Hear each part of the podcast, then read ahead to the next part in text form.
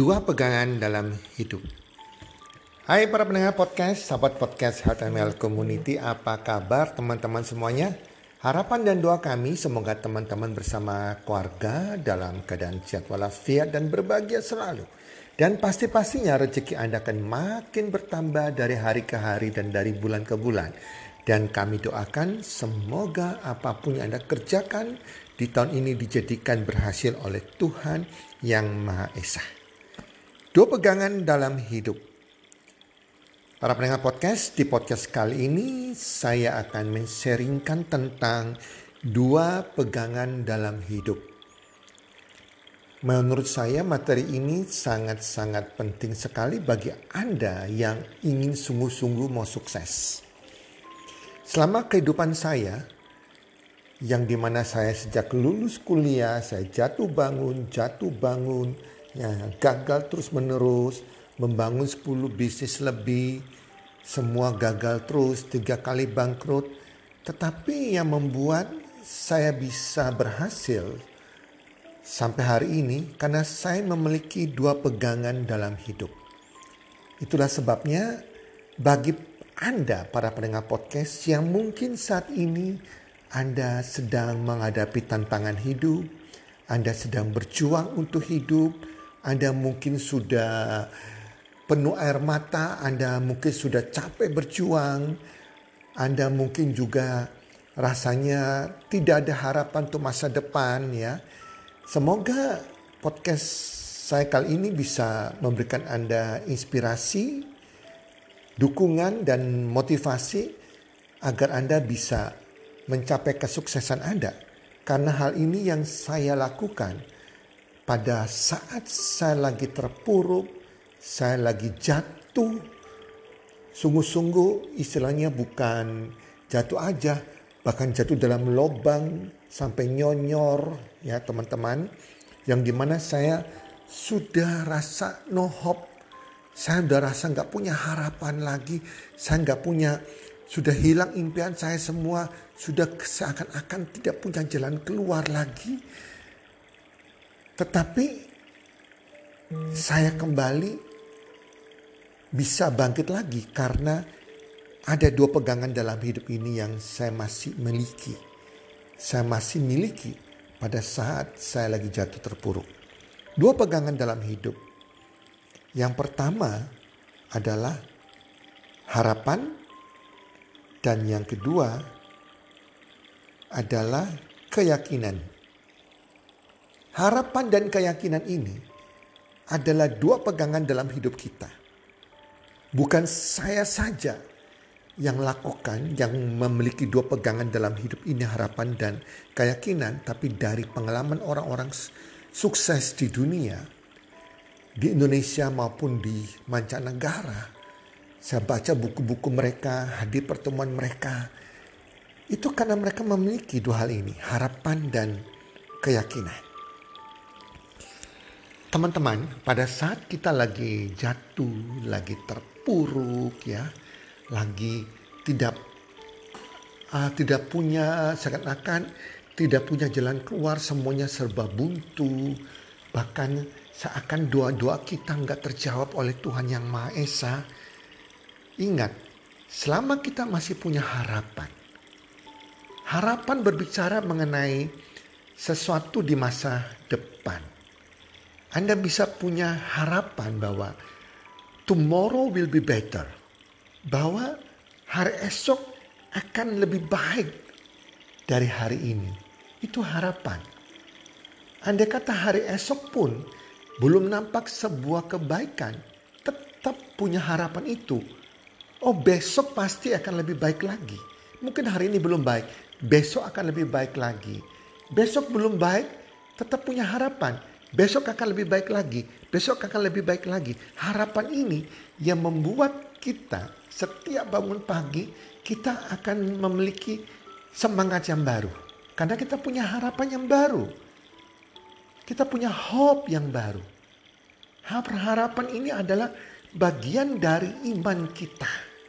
Karena kita percaya hari ini kalau sesuatu belum nampak sesuatu menjadi baik. Tetapi kita punya iman. Iman ini, iman terus selalu berkaitan dengan Tuhan yang Maha Esa. Kita percaya bahwa Tuhan pasti buka jalan. Besok pasti ada jalannya. Itulah harapan.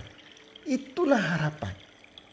Kalau seseorang dalam hidup tidak memiliki harapan, artinya dia seorang zombie, mayat hidup. Dia masih hidup, masih bernafas, masih berjalan, masih makan, tetapi dia ibaratnya zombie, mayat hidup. Dia melakukan hidupnya dia cuma ya asal melakukan hidup terus tanpa punya harapan, sudah hopeless ya, putus harapan, tinggal menunggu kematian saja. Dan hidupnya akan makin terpuruk, makin terpuruk. Syukur-syukur dia tidak mati bunuh diri. Jelas teman-teman ya. Jadi orang kok gak punya harapan ibaratnya sudah mati walaupun dia masih hidup. Orang tidak punya harapan membuat ia akan lebih cepat meninggal daripada usia seharusnya yang dia harus lewati dan meninggal. Dan even bisa membawa dia kepada bunuh diri. Nah, kalau ia memiliki harapan bahwa besok akan lebih baik, dia akan bisa sukses. Tuhan akan menyertai dia. Tuhan akan membuka jalan dia. Tuhan akan membuka pintu-pintu tertutup baginya. Tuhan akan membuka jendela tertutup baginya. Itu harapan. Dan Harapan ini harus disertai dengan pegangan yang kedua, keyakinan. Keyakinan, keyakinan dirinya pasti bisa sukses. Keyakinan dirinya pasti bisa berhasil. Keyakinan dirinya pasti dia menemukan solusinya dan dia pasti sukses mencapai apa yang dia harapkan tersebut. Contohnya, kalau seseorang lagi bangkrut, seperti saya dulu bangkrut. Bank sudah nggak kasih pinjaman modal lagi. Sudah nggak percaya lagi.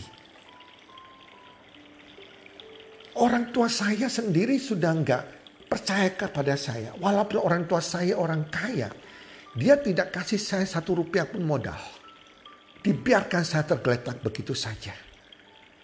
Seharusnya di saat itu harapan saya seakan-akan pupus, hilang.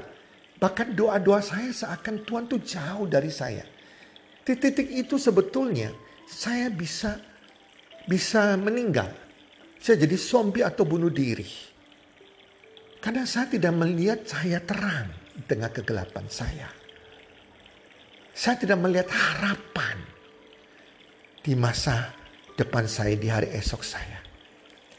Tetapi bersyukur sama Tuhan, saya masih bertahan karena saya masih memiliki harapan. Walaupun kecil sekali, saya masih memiliki iman percaya. Walaupun sebesar biji sesawi. Biji sesawi itu biji yang kecil sekali. Walaupun kecil tapi saya masih punya iman yang kecil.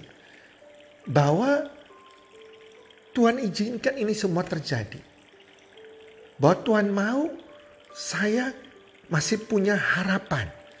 Dan saya punya keyakinan diri bahwa Tuhan pasti menolong saya. Saya yakin diri saya, saya nggak tahu caranya bagaimana. Bagaimana caranya, tapi saya percaya Tuhan yang Maha Esa sanggup membuat mujizat. Saya mau berjalan bersama Tuhan yang Maha Esa. Walaupun tampaknya masih dalam kegelapan. Saya mau mencari cahayanya. Saya mau berjalan bersama Tuhan mencari jalan keluarnya. Dan saya percaya diri saya pasti bisa. Saya akan menemukan solusinya. Untuk saya bisa melunasi hutang-hutang saya di bank. Hutang kebangkrutan saya. Apa pun caranya saya nggak tahu. Sehingga pada saat saya berdoa kepada Tuhan. Saya selalu katakan Tuhan ini aku Tony hambamu Tolong saya Tuhan. Saya nggak tahu caranya bagaimana Tuhan. Untuk saya keluar dari masalah keuangan saya. Saya nggak tahu caranya bagaimana. Saya bisa membayar hutang di bank yang saya pinjami tersebut yang sudah menagih saya. Karena sudah overdraft hutang saya. Saya nggak tahu caranya bagaimana Tuhan. Saya bingung Tuhan. Tapi saya datang kepada Engkau Allah yang Maha Kuasa. Saya tetap percaya. Saya tetap punya paham, pengharapan. Bahwa Engkau Allah yang Maha Kuasa lebih besar dari masalah hutang saya. Saya yakin bersama Engkau Tuhan yang Maha Esa. Saya yakin saya bisa membayar hutang-hutang saya. Saya bisa keluar dari masalah hutang-hutang ini. Saya yakin saya pasti bisa. Bersama engkau, saya yakin saya pasti bisa membayar lunas hutang-hutang saya. Dan bersyukur karena harapan dan keyakinan itu, dua tahun kemudian, hutang-hutang kami lunas di bank, bukan dibayar oleh orang tua saya yang kaya, tidak satu rupiah pun, bukan dibayar oleh bank kasih pinjaman, bukan sama sekali, tetapi Tuhan yang Maha Esa bisa membuka pintu, membuat sesuatu, memberikan sebuah berkat yang kadang kami tidak bisa bayangkan, pikirkan. Kadang, karena apa teman-teman? Rancangan Tuhan itu kan bukan rancangan kita. Rancangan pikiran saya, saya bisa mendapatkan modal, maka saya mengajukan pinjaman ke bank, puluhan bank saya datangi. Jalan pikiran saya mungkin begitu, saya dapat modal, saya buka bisnis yang baru lagi, atau tambah bisnis modal kepada bisnis yang saya sudah gagal tersebut. Tetapi rancangan manusia bukan rancangan Tuhan. Teman-teman ya. Jadi itu saya pikirkan secara pikiran manusia.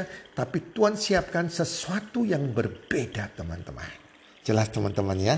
Jadi kalau hari ini Anda mengalami kegagalan. Tetap bangkit berjuang lagi. Kegagalan, bangkit berjuang lagi. Jangan pernah putus asa, jangan pernah ragu. Gagal lagi, bangkit lagi berjuang lagi. Itu bisa terjadi demikian karena Anda masih punya harapan dan punya keyakinan diri bahwa Anda pasti sukses. Anda bisa keluar dari masalah Anda. Tetapi kalau Anda sudah nggak punya harapan, Anda gagal, Anda berjuang lagi, anda gagal lagi dan akhirnya Anda menyerah. Itu artinya Anda sudah hilang harapannya dan Anda tidak yakin Anda pasti bisa teman-teman. Nah teman-teman pada saat saya lagi jatuh terpuruk ini saya mau bagikan ya. Ada sebuah penting sekali kita belajar dari orang-orang yang sudah sukses. Nah saya sangat terinspirasi sekali dengan kisah Kolonel Kolonel Sanders. Kisah ini begitu merasuk jiwa saya. Sampai tersimpan di pikiran bawah sadar saya. Jujur saja, pada waktu saya lagi jatuh, terpuruk, ya lagi, aduh lagi kayak sudah semangat nih hilang, motivasi hilang. Pikiran bawah sadar saya selalu mengingatkan saya kembali tentang kisah hidup Kolonel Sanders, pendiri Kentucky Fried Chicken yang suksesnya di usia senja. Suksesnya di usia 65 tahun, bukan di usia muda. Orang yang sudah usia tua tersebut yang masih miskin tapi dia tidak pernah berhenti berjuang. Itu yang memotivasi saya, yang membuat saya pikir, waduh saya ini kan masih muda. Malu dong kalau dengan si Kolonel Sanders yang masih berjuang terus sampai usia tuanya baru dia berhasil. Oke teman-teman, di podcast kali ini saya bagikan kisah inspiratif yang memberikan saya inspirasi. Semoga bisa memberikan inspirasi bagi teman-teman yang lagi berjuang saat ini. Nah, Kolonel Sanders dilahirkan tanggal 9 September tahun 1890, 1890. Nama aslinya adalah Harlan David Sanders. Nah, Hidupnya tuh sangat menderita sekali teman-teman. Penuh perjuangan. Usia enam tahun ayahnya sudah meninggal dunia. Sehingga dia sebagai anak tertua harus menghidupi adik-adiknya. Dan ibunya harus bekerja. Membanting tulang. Nah usia 16 tahun. Ya, Kolonel Sanders mendaftarkan diri jadi tentara. Ternyata hanya bertahan satu tahun dia dianggap tidak qualified dan dikeluarkan dari ketentaraan. Usia 17 tahun, ia bekerja sebagai buruh kasar di stasiun kereta api. Dan dari usia muda, dia mengalami kegagalan terus-menerus dan berganti-ganti tempat dia bekerja. Ia mencoba banyak pekerjaan sepanjang hidupnya. Termasuk dia juga pernah menjadi sales agent asuransi, menjual sales ban, dan berbagai macam kegiatan menjual yang lain. Gagal terus puluhan pekerjaan yang ia sudah lakukan. Masuk kerja, keluar kerja, jadi sales A, sales B, gagal, gagal, gagal. Nah, walaupun gagal, gagal dan gagal lagi, Colonel Sanders tidak pernah menyerah karena ia selalu punya harapan. Harapan tomorrow will be better. Dia selalu semangat memasuki hari yang baru dengan harapan yang baru dan dia yakin bahwa ia pasti bisa sukses jadi orang kaya. Itu keyakinan dia. Saat ini dia miskin gak masalah, dia harus berjuang untuk menjadi orang kaya. Tahun 1930 ia bekerja di pompa bensin di Kentucky. Nah di saat itu di samping sebagai bekerja di pompa bensin melayani orang yang mengisi ya bensin ya, ia juga mulai menjual berbagai makanan-makanan yang ia buat sendiri. Sekedar Anda tahu, Kolonel Sanders ini dari kecil dia sudah pintar masak teman-teman. Karena dia harus masakan makanan untuk adik-adiknya. Nah, sehingga pada waktu tahun 1930 tersebut, di samping bekerja di pompa bensin, ia juga menjual makanan-makanan buatan dia sendiri.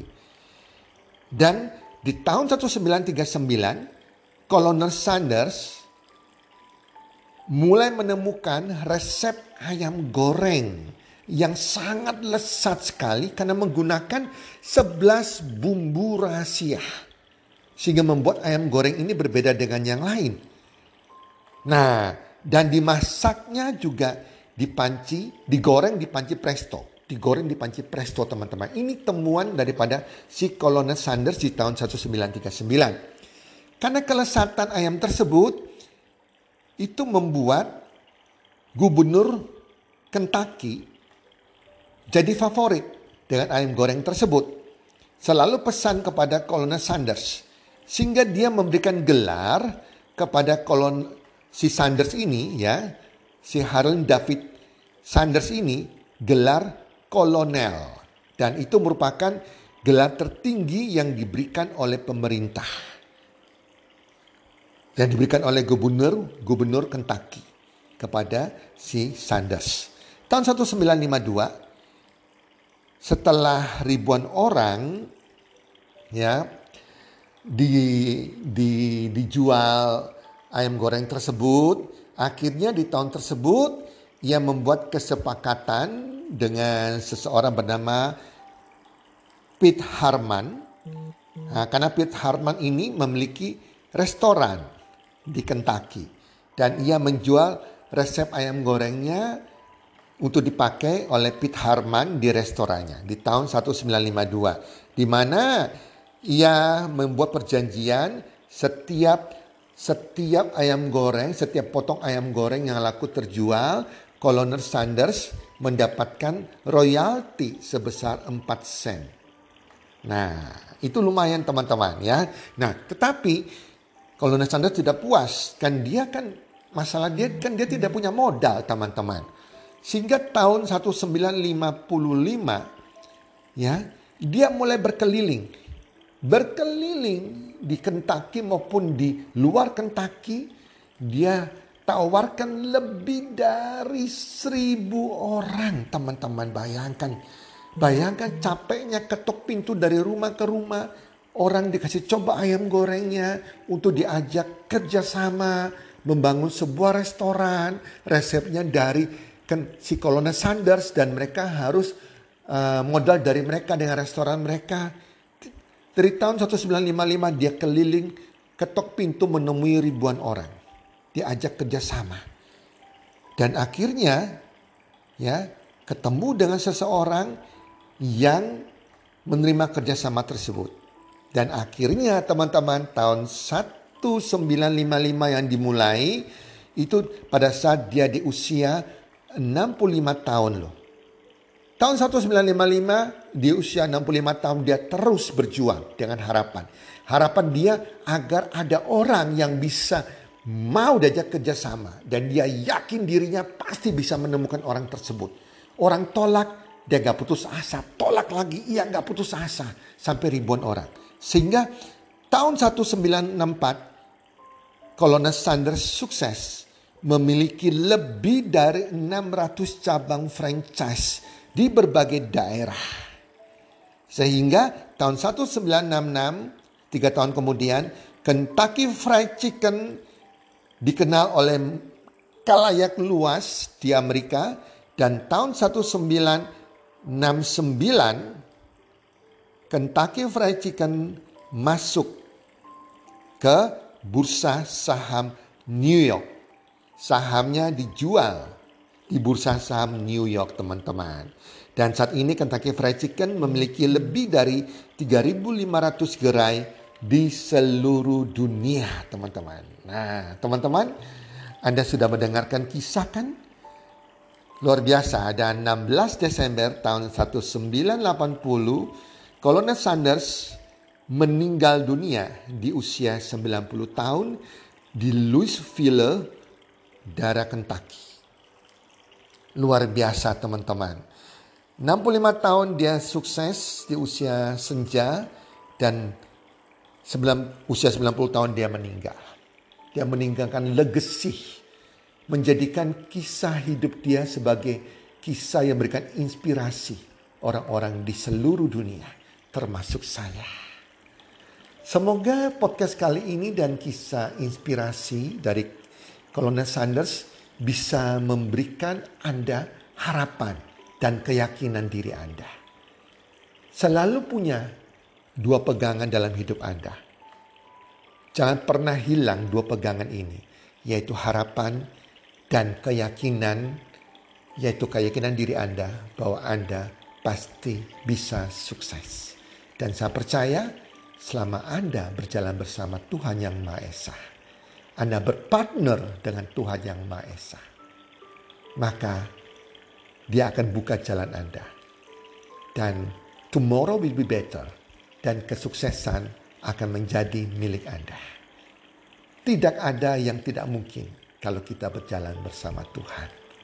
Semoga podcast kali ini bisa memberikan kekuatan bagi Anda semua yang lagi mengalami perjuangan saat ini. Saya percaya Anda akan segera berakhir berjuang dan menikmati kesuksesan Anda. Jangan pernah menyerah, selalu punya harapan dan keyakinan diri bahwa Anda pasti bisa sukses. Salam sukses, one, two, three.